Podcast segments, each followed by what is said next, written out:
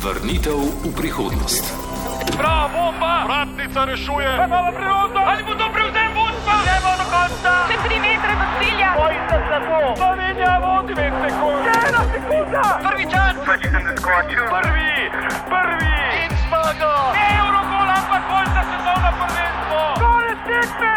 Konec tekme! Evropski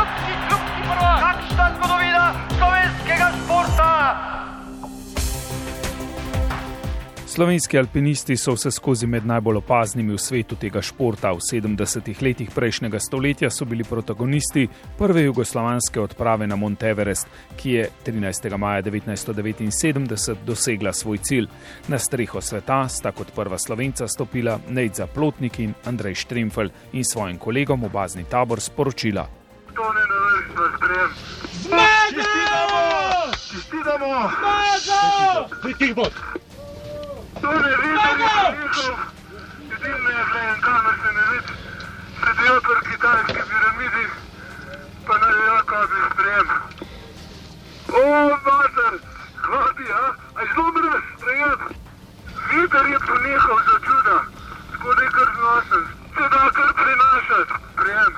1351. Dva dni kasneje je na vrh prišla še ena tričlanska naveza in zaokrožila uspešen naskok na najvišji vrh sveta, po novi smeri, ki je ostala edinstvena in še dan danes poseben alpinističen podvig, najtežja smer ob naskoku na najvišjo goro sveta. S Francijem Paušerjem predstavljamo za kulisje prve jugoslovanske odprave na Mont Everest. Kaj vse je bilo potrebno pripraviti za osvojitev vrha, v kakšnih razmerah je mejnik postavljala takratna odprava, kako so bili povezani z domovino in na kakšen način je prišla novica v Slovenijo, ob koncu pa tudi o preostalih slovenskih podvigih na najvišji gori sveta in alpinizmu v Sloveniji. Vabljeni v športni časovni stroj leto 1979 na dolgo in zahtevno pot, ki je prinesla obilo veselja in takratni odpravi tudi naziv ekipe leta v Jugoslaviji. Časovni stroj. Dajmo bojem samo še nekaj sekund. Bravo, Petra, Petra je tretja. Mateja Svet je zmagovalka. Primoš Peter, kaj daleč ti? Slovenija slavi, konec je, konec je. Tokrat se v radijskem športnem časovnem stroju ne bomo ustavili pri klasičnem športnem dosežku kakšnih eh, slovenskih športnikov, zato tudi ne bo euforije ali pa kakšnih zares izjemnih prenosov, bo pa zato kar nekaj zvočne kulise, nenavadne, neobičajne, ki pa so jo uporabljali že v času, v katerega se vračamo, torej v leto 1979. Šel čas nekdanje skupne države, ko je slovenska zasedba alpinistov, pravzaprav zasedba nekdanje skupne države, osvojila vrh Everesta. Slovenski alpinisti so bili pri tem v ospredju, tako kot je bila Slovenija v tistih časih smučarski narod, je veljala tudi za alpinističen na področju nekdanje skupne države, ne na zadnje to velja še dan danes, ampak s Francijem Paušerjem bova v tej epizodi govorila predvsem o tej prvi odpravi, ki se je povzpela na vrh sveta, na streho sveta, na Mont Everest. Franci Pavšar, leto 1979, čas, ko je bilo zelo, zelo malo odprav že na Everestu. Takrat je bil tudi še boj ne, za vrstni red, kdo bo prišel na Everest. Kako pomembna je bila ta odprava v tedanjem času, tudi v očeh nekdanje skupne države, da se Jugoslavija pokaže s svojimi alpinisti na vrhu sveta. Vsekakor je bil to prestiž tudi med državami. Recimo zelo zanimiv je podatek, da je bila Jugoslavija, to je bila seveda jugoslovanska odprava z nacionalnim pomenom, državnim pomenom, je bila Jugoslavija šele četrta država, ki je potegnila svojo prvenstveno smer na najvišjo točko sveta, tega planeta in to po najtežji smeri do takrat in ta smer še danes velja za najtežjo, samo dve ponovitvi sta bili in obe sta terjali veliko smrtnih žrtev med temi, ki so prišli na vrh, pa so imeli potem težave pri sestopu. In zares je takrat, lahko rečemo, cela država stopila za to odpravo, spremljali so tudi, da nimo v Beogradu na tržnici so se pogovarjali o tem, ali bo našim uspelo priti na vrh, čeprav se seveda za alpinizem niso sicer kaj dosti zanimali.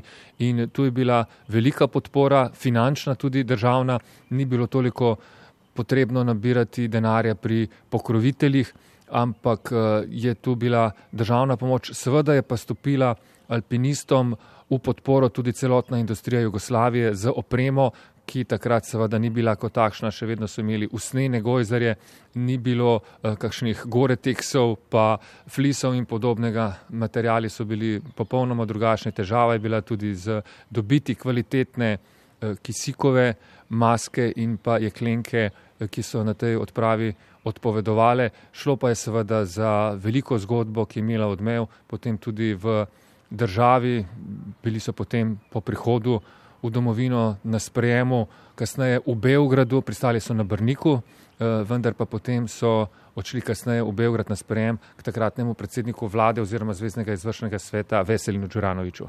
Ko nam je uspelo, ne, smo bili tudi, lahko rečem, zelo lepo nagrajeni. Ne, kajti eh, za tisto leto, torej za leto 1979, smo postali najboljša jugoslovanska športna ekipa po izboru sportskih novosti pa ne zato, ker ne bi bilo takrat drugih dobrih ekip. Recimo istega leta je Bosna postala evropski prvak v košarki, ne pa vendarle smo uh, s tem Everestom, s prvenstveno smerjo na vrh gore, nekako premagali tudi uh, medijsko veliko bolj gledan šport, uh, kot je uh, košarka recimo. Ne. Ja, takole je dodal tedajni član odprave Viki Grošelj. Sicer pa so alpinisti nekaj posebnega v svetu športa, radi se držijo pravzaprav v svojem mehurčku, v zadnjem času sicer radi tudi pokažejo svoje podvige z različnimi sodobnimi tehnologijami. Kako pa so takrat komunicirali z domovino, kako je pravzaprav prišla vest v Jugoslavijo, da je odprava uspela priti na vrh? Več kot tri mesece so bili z doma. Mesec in pol so potrebovali od prihoda v bazni tabor, da so opremili vso smer, počasi so šli vedno više in više, da so napenjali vrvi, zavarovali smer in da so znosili vso to opremo s pomočjo 20 višinskih nosačev, šerp in opreme, to je bilo v tonah, eh, so pa eh, takrat z domovino komunicirali tudi prek pisem. Vodja odprave Tone Škarja je povedal, da ko so prihajala pisma, da je takrat vnema alpinistov za vstop proti gori nekoliko popustila, da če so vedeli, da naslednji dan pride pošta iz domovine, so hitro začeli govoriti, ja, danes pa ni najlepše vreme, bi šli raje jutri. E, imeli so, e, odprava imela 25 članov, vključno z dvema zdravnikoma, poleg tega pa še šest spremljevalcev, dva sta bila za zveze in sicer z takratnega radia Ljubljana, sicer zdajšnjega radia Slovenija sta bila dva tehnika in sicer Slavko Šetina in Matjaš Culiberg. Poleg njiju še dva novinarja, novinar dela Marjan Rastresen, pa še za uh, Jugoslavijo Rade Kovačevič. Zanimivo z njim je bil tudi slikar Franc Novinc, ki je potem upodobil še tudi takratna doživetja. Imeli so tri kuharje in tri pomočnike kuharjev. Za to, da so spravili vso opremo do baznega tabora, je sodelovalo kar 700 nosačev, eh, no, med vsemi pa so imeli tudi še dva poštna kurirja, ki sta nosila to pošto v bazni tabor in proti domovini. Je pa uh, za to, da smo izvedeli novice, sta pa poskrbela eh, ta radijska tehnika Slavko Šetina in Matjaš Culiberg in sicer nekako prek radiomaterskih zvez, težko si zdaj predstavljamo, ko so satelitski telefoni in sta vzpostavila zvezo z ladjami v Indijskem oceanu in potem je iz teh ladij šlo šel signal potem eh, v domovino, na tak način je bila vzpostavljena zveza, da smo denimo že 13. maja, že isti dan v domovini izvedeli, da so prišli na vrh, kajti običajno je bilo pri odpravu tako, da šele ko so prišli v Katmandu, se pravi čez dva, tri tedne, so povedali, ja, pred tremi tedni smo bili na vrhu. Tako da smo izvedeli v domovini isti dan in jaz se spominjam takrat, eh, sem poslušal, nedelja je bila v nedeljskem eh, športnem popodnevu vsake pol ure ali pa vsako uro, ker posneli so eh, pač to novico in se jo ponavljali in ponavljali skozi vse popovdne, da tisti, ki je vmes niso ujeli, da so jo potem slišali ali pa da so jo slišali večkrat, se veselili in da se jim je usidrala v zavest. Zares eh, izjemna zahtevnost odprav v tedanjem času, ko resnici na ljubo tudi ni bilo verjetno tolikšne podpore. V zadnjih časih se je recimo na Everestu razvil kar masovni turizem, sicer težko rečemo za kogarkoli, ki je poizkušal priti na Everest, da je turist, ampak pravzaprav alpinistični turizem neka nova veja. V tedanjih časih pa je bilo verjetno še toliko bolj pomembno tudi nadzorovanje vremena. Ne? Zakaj sem povezoval ta alpinistični turizem? Zdaj se zelo natančno ve, katera odprava bo poizkušala, kdaj bo poizkušala, kako bo poizkušala. Vreme pa je v teh predeljih seveda ključnega pomena, ali ti odprava eh, se lahko povspne na vrh ali ne kako so eh, pravzaprav nadzirali, preverjali, spremljali vreme. Omenil si, da so bili tam dlje časa, tri mesece, ampak to pravzaprav ni dovolj, da bi ti poznal, kako se obnaša gora, kako se obnašajo posamezno okolje.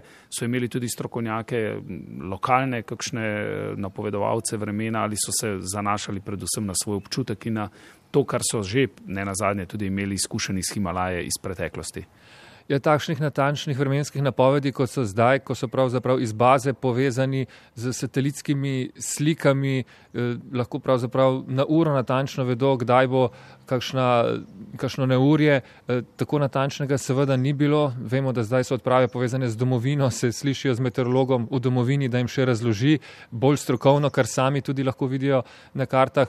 Gre pa za to, da so takrat pravzaprav bolj ocenili, katero obdobje je primerno zaradi monsunov v Nepalu, v Himalaji, je najbolj primerno to obdobje eh, konec aprila, v začetku maja in pa potem tudi še oktobra, novembra, ampak to majsko obdobje v tem času beležimo največ odmevnih sponov, tako da je bilo vse tempirano tako.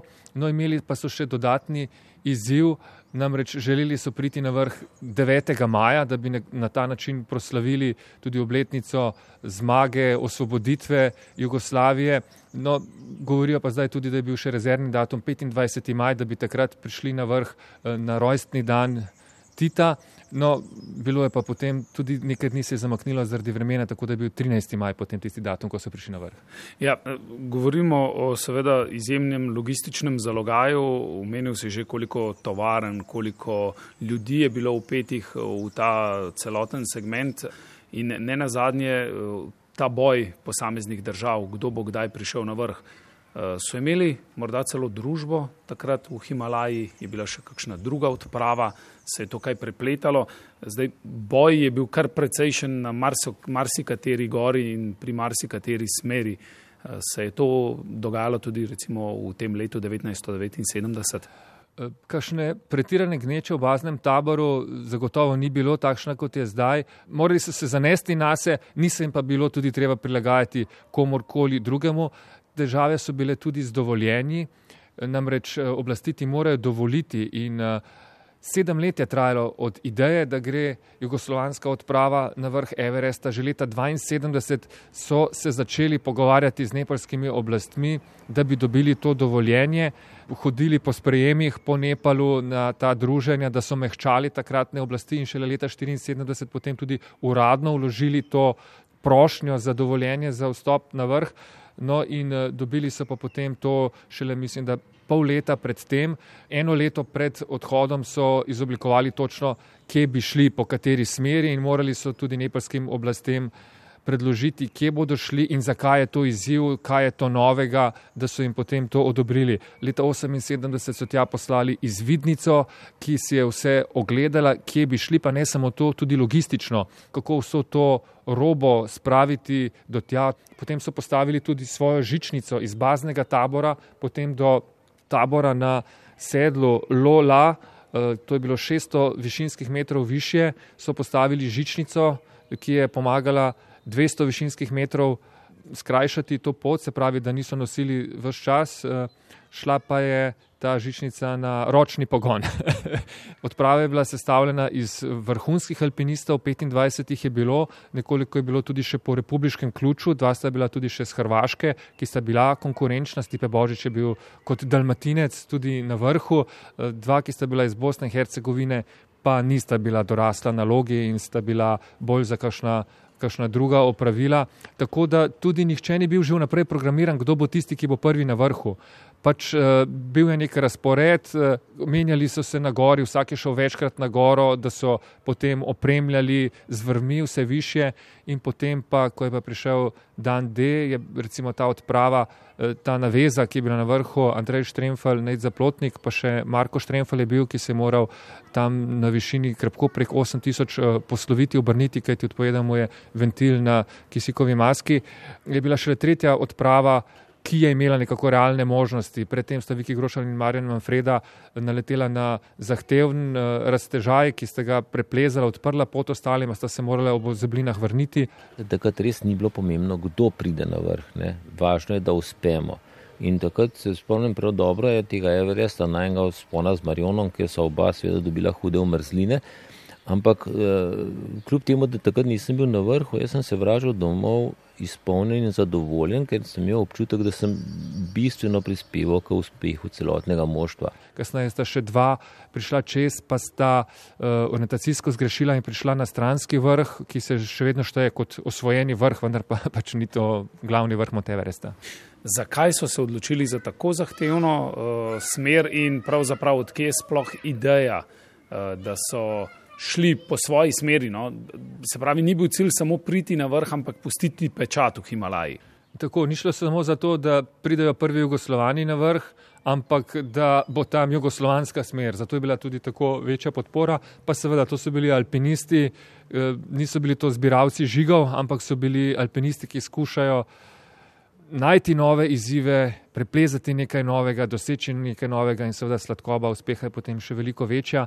Je pa bila to zelo homogena ekipa, čeprav je bila tako številčna, vsi so garali za ta cilj in eh, pravzaprav so osebne interese potistili v stran.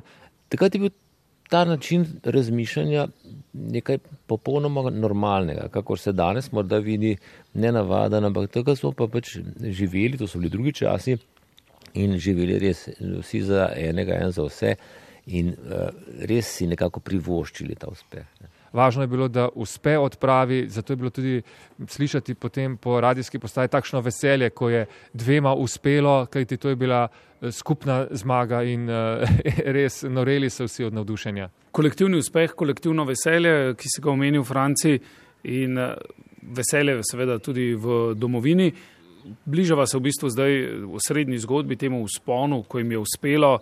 Kakšne so bile težave? Zdaj smo vse čas govorili o veliki količini opreme, o postavitvi eh, baznega tabora, eh, tudi v nekaterih usponih, eh, ki se niso posrečili o zeblinah. Ampak kaj je bilo pravzaprav ključna težava v takšnem projektu, v tej odpravi, da so morda imeli tudi nekaj negotovosti. Ne? Sej vsaka alpinistična odprava ima tudi cel kup negotovosti. Težav je bilo seveda veliko, že, že recimo pri tej žičnici, da so jo postavili, potem kasneje pri eh, baznih taborih, šotorih. Eh, včasih je kdo zbolel in je ostal dlje na, na taboru in je za njim že prihajala po razporedu naslednja ekipa in je bilo potem naenkrat gneča v šotorih in podobno. Zanimivo pa, da so imeli razporejene vloge, kar težko si predstavljam, to neškar je bil vodja odprave, ampak potem je bil recimo Stane Belak Šrauf namestnik vodje, potem je bil Tomaš Jamnik vodja transporta za vse to iz domovine in tja, potem je bil eh, bolj ali bolj organizator prehrane, eh, da so imeli pač eh, svojo hrano, da je bila dovolj kvalitetna. Eh, kuhari so bili nepalski, potem je bil Roman Robas odgovoren za finančno in materialno poslovanje, eh, potem je bil glavni zdravnik tukaj, pa Stipe Božič, snemalec, Viki Grošal odgovoren za fizične priprave, potem je Stane Klemenc odgovoren za ekonomsko propagando, Štefan Marenčen, konstruktor žičnice, Dušan Podbevšek, skladiščnik, Igor Tekavčič, zdravnik. Zelo so imeli razporejene vloge, ampak to so bili vse vrhunski alpinisti, ki niso bili tam samo funkcionarji, to so bili alpinisti, ki so bili v igri za vrh, ki so bili na vrhu, ampak so imeli poleg alpinistične vloge še organizatorske, logistične, že v teh dveh letih prej in pa seveda tudi med odpravo samo. Nekako je v alpinizmu tudi tradicija, da vsak, eh, ko pride na nek vrh, ko spleza nek uspon, vzame nekaj za spomin ali pa pusti nek pečat, vsak se znajde po svoje. Glede na številčnost te odprave je bilo verjetno idej in izzivov kar veliko, kakšna, ki se ti je potem v pogovorih kasneje vtisnila v spomin, kaj so počeli tisti, ki so prišli na vrh, kaj so si vzeli za spomin. Ja, eh, kam ne. Nejzaplotnik je takoj na vrhu je seveda zgolj sneg, ampak takoj pod vrhom, ko je prišel do prvih skal, je nabral nekaj kamnov za svoje domače in pa za ostale člane alpinistične odprave. Prav spominjam se, da je povdaril Vike Grošla in Marjana Manfredo, ki sta splezala tisti najzahtevnejši raztežaj, krpko preko 8000. Marjan Manfreda je tudi snel rokavice, da je to preplezal, to je bilo usodno za njegove prste, ki so pomrznili in mu je bilo potrebno nekaj tudi odrezati. Tako da kamni z vrha imajo svojo težo in, in sem prepričan, da so bili dragocen spominek za vse ostale, ki so sodelovali na tak ali drugačen način in bili konec konca tudi družinski člani zaslužni za uspeh teh, ki so bili res na vrhu. So pa ob tem, ko si seveda izmučen in prideš na vrh, čas tudi za fotografijo, ki ob takšnih trenutkih ne sme izpasti, pa seveda jugoslovanska zastava, ki jo nosiš s seboj in ta slika seveda še vedno ostaja med nami. Vrh je snežna kopa, ki nastane s tem, da se združijo trije Everestovi grebeni, zahodni, severni in južni. Snežna kopa je postavljena na črn drobir, črno kamenje in na sami tej, samem vrhu te snežne kope pa stoji triangel, to se pravi drog, ki so ga pustili Kitajci leta 1975. Kako so se zmenili, kdo slika, kdo je na fotografiji? Ja, takrat so bili še filmi, potrebno je bilo tudi paziti, da ne zmrzne film v fotoaparatu in da ga pozorno in počasi uh, na roko premakneš na naslednji posnetek. Če si bil preveč zaletal, se je lahko film v tistem mrazu strgal. In tudi, ko sta se Neď Zaplotik in Andrej Štremfer oglasila z vrha, je bil eden prvih stavkov Tone Taškarje v baznem taboru. Slikajte se pri kitajski piramidi, posnemite čim več. Pa hitro dol, bila sta samo pol ure gor, ni časa za uživanje tam, kaj ti polovico poti je še čakalo. Ja, in zdaj gremo v leto 1979, 13. maj, ključen dan in zgodba, ki je nastala ob tem izpod peresa Mateja Hrastarja. Iz našega arhiva. Za devetimi gorami in sedmimi morji Prav ob znožju najlepših gora leži dežela, v kateri živijo skromni, pridni, a tudi radovedni in ustrajni ljudje. Veselje in sprostitev najdejo v družbi gamsov in orlov, kjer zemlja sreča ne bo. Zato ni čudno, da jih je vedno gnalo više in više, tudi izven meja njihovega prelepega majhnega sveta.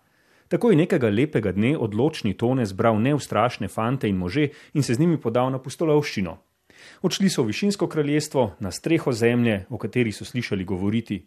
Le najbolj drzni so si upali na to pot. Ker naše gore so v zimskih razmerah izredno težke, izredno zahtevne in verjetno je tudi to eden od razlogov, da jim v Himalaji lahko uspevamo, kajti naše gore so po zimi res trde in zahtevajo od človeka prav vse.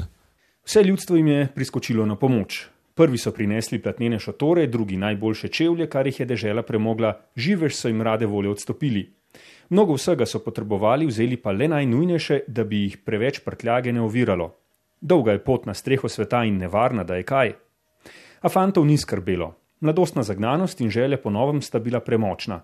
Včasih je bolje ne razmišljati o vsem, kar gre lahko na robe, in neognana mladost je pri tem prej v pomoč kot ovira. Po dolgih pripravah in mučni poti so naposled prispeli v daljno deželo, kjer se več tisoč klafter visoke gore razprostirajo, dokodr ti seže oko. Tujci so jih prijazno sprejeli, precej so vedeli, kam so namenjeni. Zato so se jim za pomoč in spremstvo ponudili vrli možje, ki so teren dobro poznali. Zanimali so se, kot bodo krenili, pa je vodja odprave povedal. Na to goro, ki je najviše na svetu, pelje do sedaj pet smeri, ki so jih napravili štirje narodi. Dve Angleži, eno Američani, eno Kitajci in to je konec. Peta smer je jugoslovanska. To je hkrati najtežja smer na Everest. Kako bi tudi mogli drugače kot po najtežji poti? Vedno so vtirali gas, tudi tokrat jo bodo. Prva sta srečo in znanje na Sveti gori preizkusila trmasti Marjan in preudarni Viktor. Dobro jima je šlo, prišla sta daleč in tudi ko se jima je ustavilo, nista odnehala. Marjan je v tesnem in strmem prehodu poskusil prvič in drugič, še tretjič. S pomrzlimi prsti in načeto voljo bi se prav lahko vrnila k tovarišem in nihče jima ne bi ničesar očital. A tako zlahka se kleni gorenc ne vda. Marjan je poskusil četrto in uspel. Odprl je pot, ki pa je zanj in Viktorja ostala zaprta. S pomrznjenimi prsti sta se bila prisiljena odpraviti nazaj. Najhuje je odnehati, kadar je nebo kristalno modro, ti pa ne moreš nikamor, je kasneje zapisal neustrašni Jrnejc. Za drugi poskus je Tone izbral prav Jrnejca, pogumnega Andreja in njegovega brata, podjetnega Marka. Zdaj so oni nosili upe in breme vseh svojih rojakov. A Marko je navezo kaj k malu zapustil, brez zraka se tako visoko ne da. Njegova nesreča je pustila globoko sled pri Andreju, ki pa mu Jrnejc ni pustil, da bi gledal navzdol. E, Potem, ko so šla naprej, sem si želel samo to, da bi se mi e, nekaj pokvarilo, da mi ne bi bilo treba na vrh, da bi lahko se stopila nazaj.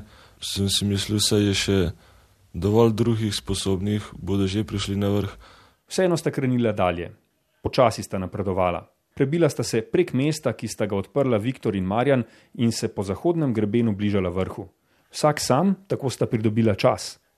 Naporne zadnje ure so minevale v meditaciji in se v spominu zabrisale sanjami. Zdelo se jima je, da gredo mimo dnevi. Nihče od njiju ni vedel, kako sta se znašla pod vrhom. Pred zadnjim korakom je Jrnec Andreja spustil naprej in uspelo jima je. Objela sta se in zajokala, potem pa sporočila tovarišem. Na sprijemu, na sprijemu. Vrha, to ne na vrh, na sprijem. Čestitamo! Čestitamo! Tih bod! To ne vidim, njihov. Edini je zdaj en kamer se ne vidi. Sedijo pri kitajski piramidi, pa na jako bi sprijem. O, mater, hodi, a? A zelo mrve sprijem. Viter je ponehal za je kar znosen.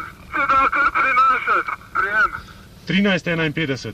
Čim več je sliki, da ti stavaj na piramido, Ti občutki na vrhu niso tako preprosti, kakor si marsikdo mogoče predstavlja. Tiste resnične sreče, tiste resničnega veselja in zavesti, da je uh, nekaj velikega za teboj, takrat še ni. Pred teboj je še sestop, same težave so bile tolikšne, da so od naja zahtevale res vse, uh, tako da je utrujenost prevelika. Srečen si uh, predvsem, da so kronani vsi napori celotne ekipe, da so napori končani. Bil sem srečen, vendar to srečo je kalila misel na brata, ki mu ta vzpon ni uspel, čeprav je bil za ta vzpon sposoben. In pa še skrbelo me je, kako bo s stopom, kajti vedel sem, da bo se stop trši oreh, kot pa je bil spon. Uh, in to se je kasneje izkazalo tudi za resnico. Pot nikoli ni končana. Spustiti sta se morala še nazaj. Pobrala sta kamne za svoje tovariše, za družino, za spomin in v zahvalo. Nedaleč od vrha je Andrej padel in se zakotalil v prazno. Jrnejcu je zaledenila kri. Upil je za tovarišem, ki je drsel v globino. Ta pa je z zadnjimi močmi zataknil cepin in obstal pod snegom. Zadnja preizkušnja. Tudi to sta premagala in čez nekaj ur v trdi temi prišla do toplega ognišča. Komaj živa, izmučena in srečna, sta še v pol snu razlagala, kako je bilo. Naslednji dan, ko sta še vedno zbirala moči in vtise po velikem podvigu, so na njuno sled stopili še trije možje: ognjeviti stane, sončni Stepan in domačin, dobri Angpu. Tudi oni so na svet pogledali z samega vrha. Na Everest prideti je res torej, enkratna stvar, ki jo niti ne morem zdaj dojeti. To je preveč džumbusa okrog vsega. E, takrat e, je bilo pač samo nebo in še malo vrha pred mano, ko sem bil na tej višini. Pri vrnitvi pa jim sreča ni bila mila. Puju je gora namenila dva uspešna naskoka, a le en se stop. Dobro srce je prenehalo biti v njenem naročju. Je že tako, da tudi najlepši trenutki, trenutki zmagoslavja, v sebi skrivajo vsaj kapljico pelina. Končno so zapustili višinsko kraljestvo, veseli in žalostni obenem. Svojo sled so zavedno pustili, a plačali davek, ki se mu le redki izognejo. Osebno prinašam z vrha seveda veliko veselje, zadovoljstvo, da je ekipa uspela, obenem pa tudi uh, žalost zaradi nesreče in pa zaradi tega, ker pač ni uspelo vsem članom, ki so bili sposobni priti na vrh. Ko so stopili na domača tla, so šele spoznali, kako blizu so eden drugemu in kako daleč vsem drugim. In zdaj so prišli iz letala, tu je to neškarja, pa stane Belak, pa Zaplotnik, pa Štremfel in vsi ostali, veliko navdušenje na letališču, pozdravi s svojci, pozdravi s prijatelji, s predstavniki Planinske zveze Slovenije, s krajčani, ki so prihiteli pričakati našo himalajsko odpravo, ki je osvojila najvišjo goro na svetu, Mont Everest. In, in tu je zdaj Andrej Štremfel. Kako je zdaj? Lejte, v himalajskem alpinizmu ste dosegli največ, kar alpinist lahko doseže. Temu cilju sta uh, vidva, ki sta bila kot prva na vrhu, pa tudi vsi ostali člani odprave, uh, bi rekel, skoraj pol življenja posvetili. Kaj pa zdaj kot alpinist? Ja, to je sicer najvišji cilj, ki ga lahko dosežeš po metrih, ni pa najvišji cilj za alpinista, kajti v Himalaji je še toliko nepreplesanih sten, ki so precej težje od tega grebena, ki smo ga zdaj splezali, tako da ciljev alpinistom ne bo verjetno nikoli zmanjkalo. Sta bila dolgo na vrhu? Pol ure. Kaj vi sami prinašate z vrha? En kamen. Aha. Tam, na križišču, so se ločile njihove poti. Odtlej so se še večkrat srečale, a nekateri so prehitro odšli v večni spomin. Jrnejc je mir čez štiri leta našel ob znožju teh istih gora le nekoliko nižje. Še prej je svojim rojakom pustil dediščino v misli, da je pot važnejša od cilja. Stane je zadnji dih izpustil v domačih gorah, Marjana je vzela siva cesta. Preostali pa še danes ohranjajo plemenito zapuščino tistih dni in skrbijo, da mladi rodovi tega pogumnega naroda ne bodo nikoli pozabili, kako se gleda na vzgor. In čeprav je od tedaj minilo mnogo let, si to pripoved tam ob znožju najlepših gora še danes pripovedujejo. V čast junakom in v pogum bodočim rodovom. Vrnitev v prihodnost. Slišala sva torej zgodbo o prvem jugoslovanskem usponu na Everest, ki pa je seveda imel zelo močan slovenski eh, pečat in kot si že omenil, vrnili so se na Brniško letališče, no, pomenljivo, ampak ne ravno običajno za tiste čase. Ne? Ja, to je bila tudi njihova velika želja in zahteva, da se pač vrnejo na Brniško letališče in da je tu sprejem, slavje, navdušenje, tu so bili domači in uh, tudi takšni drobci so v tistem jugoslovanskem prestižu bili pomembni in uh, slovenska odprava je izposlovala to, da, da je bil sprejem na Brniku, ogromno ljudi, navdušenje. Fante pa so ostali skromni in uh, nekako povdarjali, da smo navadni ljudje, kajti s tem, ko so bili na vrhu sveta, na vrhu planeta, so nekako kar narisali uh, vlogo nad ljudi, ne? ampak to so bili skromni fanti, recimo Andrej Štremfal je imel 22 let, naj zaplotnik, uh, zaljubljenec v gore, skromen fant, ki mu je to pomenilo vse in ni bil človek, ki bi si želel neke pozornosti in slave. Najprej moram povedati, da sem jaz tudi čist popolnoma navaden zemljan in da sem še posebej zaradi tega vesel, da sem kot navaden zemljan stal na najvišjem vrhu na svetu. Uh, meni alpinizem pomeni preprosto del življenja. Uh, s tem mislim, da je največ povedano. Seveda je tu navezanost na gore, potem na uh, navezanost na nevarnost, vendar mi je vse to tako priraslo, da brez tega preprosto ne bi mogel uh, več živeti. Za naš arhiv je pa toliko bolje, da so se vrnili na Brni, ker smo zares dobili eno uh, lepo, lepo zapuščino uh, nekih čustev in pa veselja posameznikom. Vsi ti posamezniki pa so bili izjemno upeti v slovenski alpinizem in uh, plezanje, ne samo ob tem usponu, ampak tudi kasneje. Uh, pravzaprav večina teh, ki jih naštejemo, se jih ne spomnimo samo po usponu na Everest, ampak po izjemni zapuščini. Nekateri so potem tudi spisali knjige, se zapisali v drugačni obliki, s kakšnimi zgodbami, filmi.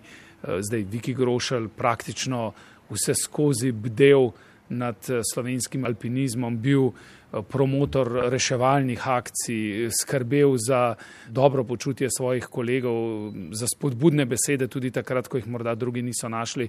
Skratka, vsi ti ljudje, ki so bili upleteni to odpravo, uh, imajo neko, neko globijo vez s slovenskim alpinizmom. Seveda, bili so že pred to odpravo na Everest, že Himalajci, alpinisti in tudi še potem. Je pa res, če pogledamo ne zgolj to odpravo, ampak tudi sicer slovence, ki so bili na vrhu, 18 jih je bilo doslej na vrhu, tudi še v kasnejših letih, pa uh, veliko je že pokojnih, pa niso umirali ravno v domačem naslanjaču. Uh, tako da gore so hoja po robu. No? Ampak v tej hoji po robu eh, so pustili nekaj več, delček sebe in ne na zadnje omenil si 18 slovencev na vrhu, recimo Andrej Šterinfel je bil kasneje tudi svojo ženo kot prvi par na vrhu Everesta, takrat mu je uspelo, da je bil prvi v nečem. Ne? Ja, to je bil sploh prvi zakonski par, ki je bil na vrhu Everesta, drugi pa je bil eno uro za Marijo in Andrejem Štremflem. In sama dva tega niti nista vedela, dokler nista prišla v Katmandu in se ustavila pri Elizabeth Howley, ki je kronistka uh, himalajskih usponov. In vse čas jo je nekako natančno spraševala o tem usponu, in sta že pomislila, da dvomi, ali sta bila na vrhu ali ne.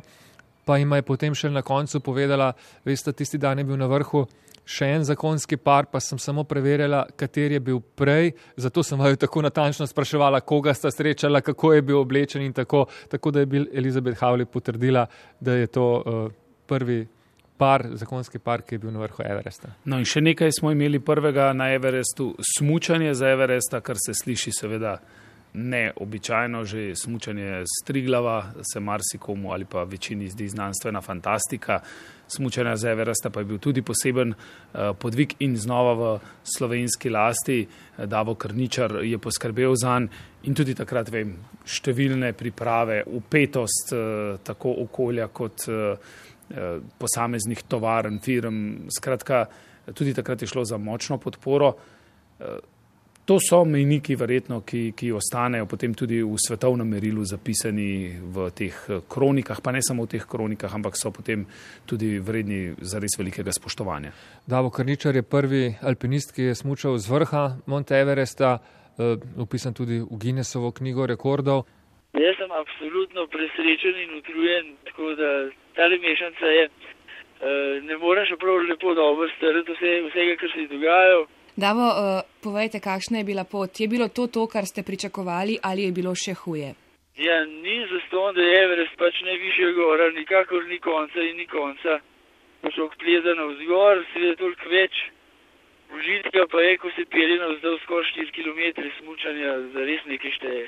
Slovenski alpinisti so pustili pečat ne zgolj na tej odpravi, ampak eh, so 30 let najmanj v vrhu svetovnega alpinizma, biti tako stalno z toliko generacijami, ki se vmes zamenjajo. Zamenjal se je način plezanja, eh, kaj ti šlo je potem v manjše odprave, v alpski stil, brez kisika in podobno. In slovenci so bili kos vsem tem izzivom, šli v korak s časom ali pa bili celo pred njim.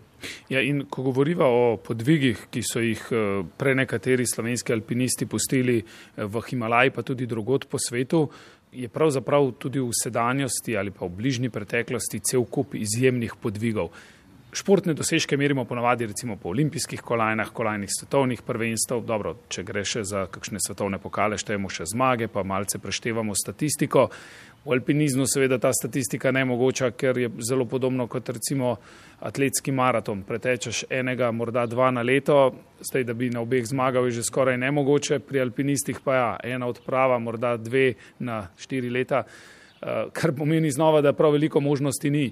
No in ko se pa potem beležijo nagrade in priznanja, so v Slovenci vse le v vrhu. Ja, zagotovo, če je morda merilo zlati cepin, ki ga podeljuje šele od leta 1992, Slovenci praktično vsako leto v igri za to in če pogledamo recimo podatek, prvi zlati cepin je šel v slovenske roke, Marku Prezlu, Andreju Štremflu in uh, kar deset slovencev ima zlati cepin, nekateri tudi po večkrat eh, in z sedmih usponov različnih in eh, največ jih ima med vsemi na svetu Marko Prezel, eh, ki morda niti v Sloveniji ni toliko poznan kot recimo Davo Karničar, Tomaš Humar, Viki Grošelj, Andrej Štremfel, Ned Zaplotnik in nihče drug v teh treh desetletjih nima toliko zlatih cepinov, po dva imata, da nimo še Aleš Česen in Luka Stražar. No in če je bil prvi zlati cepin slovenski. Slovenija je še vedno v vrhu in tudi pri zadnjem zlatem cepinu sta bila dva slovenca, torej Aleš Česan in Luka Stražar, tako da ohranjamo ta stik in lahko rečem celo primat v svetovnem alpinizmu. Če govorimo o vrhunskem športu, se skozi to oblikujejo neki vzorniki, ki vlečejo, recimo vem, košarkarski vzornik, ki nase potegne številne otroke, pa potem klube, sredine, okolja. Alpinizem je zelo specifičen šport, nima ne, te širine, da bi se lahko množice ukvarjale z njim. Zdaj v Sloveniji govorimo za res o velikem številu imen in če se vedno primerjamo, kako veliki smo v teh dveh milijonih, ne, potem bi pričakovali, da je na svetu pa recimo, morda pa je ja, ravno milijon, dva milijona takšnih vrhunskih alpinistov, pa jih verjetno ni. Ne.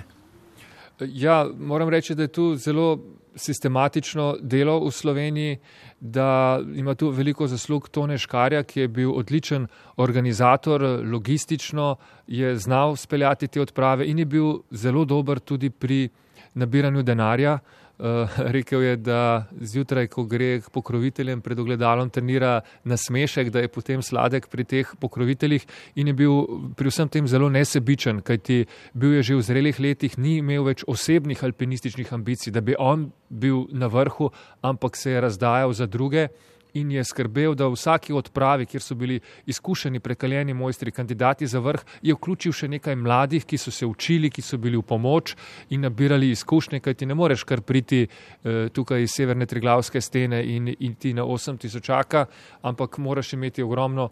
Eh, še drugega, ne samo alpinističnega znanja, temveč tudi, da se pripraviš, aklimatiziraš, psihološko, uh, analiza stene, Eh, da oceniš eh, težave, kje je, katero opremo potrebuješ. Vsak gram, ki ga nosiš preveč s sabo, je odveč, pa seveda ne sme ti zmanjkati v steni niti ena stvar, ki jo boš tam potreboval, pa, pa je lahko ključna, da prideš uh, čez en sam oprimek. Lahko.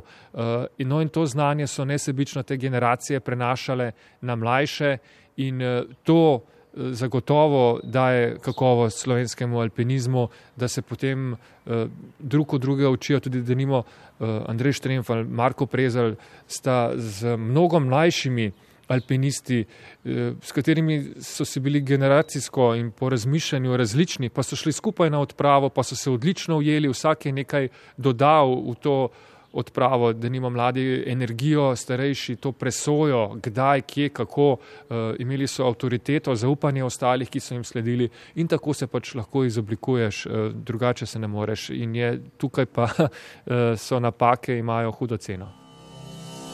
Skok v prihodnost. Tokrat bova pogled v prihodnost eh, skozi sedanjost eh, nekoliko prilagodila v primerjavi z preostalimi epizodami. Vedno smo iskali naslednike, zdaj iskati naslednike, ki se bodo pospeli na Everest, je pravzaprav eh, nepotrebno. Bolj se bova pogovorila o morda primerjavi tedanjih časov z sedanjimi časi in pa predvsem z izzivi tedanjih in sedanjih alpinistov. Se pravi, najprej morda oprema. Ne? Tedanja oprema, zdajšnja oprema, eh, razvoj, ki gre tudi v tej alpinistični smeri izjemno hitro naprej. Kaj vse omogoča več, recimo zdajšnja priprava alpinista, ko gre na odpravo v primerjavi s tedanjim in kaj mogoče prav skozi opremo lahko izziv prihodnosti, mogoče samostojen uspon na Everest? Ja, oprema je zagotovo veliko pripomogla k temu, da se meje premikajo, vse je lahko hitreje, konec koncev je zdaj možno tudi s helikopterjem, marsikaj spraviti do baznega tabora, ne izgubljaš toliko energije, časa. Tehnična oprema je veliko lažja, materijali ob enaki kakovosti, vzdržljivosti so lažji in uh, šotori, vse te stvari uh, so konec koncev tudi hrano, zdaj lahko dobiš uh, mnogo bolj kondenzirano kot, kot takrat, da je, da je lažja, pa še vedno energetsko zelo močna. Uh, izzivov, izzivov pa je še veliko. Gre pa vse skupaj v te manjše, ne bom rekel žepne, ampak uh, manjše odprave in je morda s tem tudi več ljudem omogočeno, da nekako zberejo denar, se najde nekaj posameznikov za odpravo, ne potrebujejo več toliko ljudi, da so potem uh, nekaj tednov garali, da so potem zadnji uspon opravili v nekaj dneh, zdaj lahko pravzaprav tudi časovno je vse skupaj krajše. Eh, kaj je izziv za naprej? Vemo, da 8000 so vsi eh, osvojeni, prepredeni z zahtevnimi smermi, zdaj iščejo alpinisti izzive v težkih stenah, smereh, reševanju problemov, kjer je morda lahko na nekem 7000-aku večji izziv, večja zahtevnost, uh, pa konec koncev tudi med gorami veljajo nekatere za lepše, z bolj mogočno steno uh, in je morda tudi takšen večji izziv, čeprav ni 8000-ak. Ja, Tomaš Humor je bil eden od teh, ki je bil vizionar v tem pogledu prihodnosti plezanja. Ne? Takrat se je sam lotil nekaterih uh, podvigov, ki so se zdeli znanstvena fantastika. No, končalo se je zanj tudi usodno zaradi tega, ampak preprosto uh, je videl in preizkušal, kaj zmore človeško telo. Ne? Bil je izjemno uh, vzdržljiv v tem delu, ampak uh, na koncu pa recimo, ko govorimo o podvigih in izzivih, se te še bolj bližajo mejam zmožnosti in s tem, ko se je razvila oprema in ko se je razvilo vse skupaj ni več dovolj samo imeti smer, priti na vrh, ampak verjetno narediti nekaj, kar še nekomu ni uspelo v tem boju, pa je vedno več tveganja morda. Ja, recimo Reinhold Messner je bil človek izzival, bil je prvi, ki je bil na vseh 14 8000-akih, bil je prvi, ki je bil brez kisika in to so pač te stvari, ki, so, ki dodajajo vrednost tem usponom. Tomaš Humor pa je bil mojster solo usponom, se pravi, da je šel sam, vendar tudi do tega je prišel postopno, eh, namreč eh, ostave brez dveh soplezalcev, s katerima je dosegal odmevne uspone. Eh, Vanja Forlan je bil skupaj z njim, ko sta preplezala Amadablam in zato dobila zlati cepin, kasneje sta bila skupaj na odpravi na Nupce z Janezom Jegličem, ki je na vrhu stopil prek opasti in se mu je udaril sneg in je zdrsnil v prepad. In to je seveda tudi za vsakega alpinista čustveno zelo zahtevno in zato se nekako tudi zato odločil, da bo v bodoče plezal sam. Plezati sam je še dodatna dimenzija, dodatna zahtevnost, kajti res je lahko usodno, eh, da se ti zlomi dereza, pa, pa eh, brez dereze ne moreš naprej, čeprav si eh, pri močeh, dobro se počutiš, imaš odlično opremo, ampak samo en košček in sam te težave potem veliko teže rešuješ. V primerjavi preteklosti in sedanjosti, v primerjavi tega, kam se razvija alpinizem, si že omenil, da so 8000-aki preplezani, smeri prepredene, eh, izzivi se iščejo druge, na drugačne načine in vsak posameznik jih poišče na svoj način. Zdaj, omenila sva že številna imena v slovenskem alpinizmu, še en je takšen, ki mimo katerega recimo ne moreva Tomo Česen, pustil tudi ne na zadnje ogromen pečat kasneje ob razvoju slovenskega športnega plezanja in morda s svojimi začetki pa s nasveti in eh, spodbudami pripeljejo tudi do tega, da imamo trenutno najboljšo plezalko na svetu, eh, v športnem smislu seveda. Kdo je še recimo takšen, ki je pustil svoj pečat v Himalaji ali pa recimo se spopadel z kakšnimi posebnimi podvigi? No, Tomo Česen je bil takrat zagotovo v vrhu svetovnega alpinizma, padla je senca na njegova dva vzpona, tako na Žanu kot tudi na steno Loceja ali je bil na vrhu ali ne, pravzaprav ve samo on, tudi člani njegove odprave, pravzaprav ne, kaj ti poslovil se je v baznem taboru in odšel v steno. Eh, težko bi sam zdaj ocenjeval, ali je bil ali ne, ampak eh, zgovorna je anekdota. Eh, edini slovenec, ki je bil z njim, Jani Kokal, je rekel Tomu, če si to splezal, si velik frajer, če pa si nategnil cel svet, si pa še večji. Skratka, Tomo Česen je v vsakem primeru frajer, uh, je plezal težke smeri, poskrbel je tudi kasneje za razmah uh, slovenskega športnega plezanja, pa konec koncev vzgojil je tudi svoje dva sinova v alpinističnem duhu in Aleš Česen ima zdaj dva zlata cepina uh, za odmevne vzpone in uh, zagotovo je njegova vloga v slovenskem alpinizmu velika. Takrat pa je bila po teh dvomih v njegove vzpone tudi kriza v slovenskem alpinizmu, razdvojena strokovna javnost, uh, padla je senca na celotni slovenski alpinizem prek naših meja, pa tudi, tudi znotraj Slovenije, uh, kajti v alpinizmu seveda velja res uh, viteštvo, čast, uh, verjame se na besedo, še bolje pa je, če imaš tudi kakšen posneti Kamen kakšno fotografijo. Kamen v žepu. kamen v žepu, ja. Štemplov, žigov pa na vrhu ni. Ja, seveda. Lahko bi pa vsak postavil svojo skrinjico na vrhu. Hvala lepa za ta pogovor. Eh, Končali smo z epizodo eh, Skok oziroma bolje rečeno izlet na vrh sveta v letu 1979. Vrnitev v prihodnost. Mislim, oprostite vse skupaj, ampak bom drugič kaj več povedal.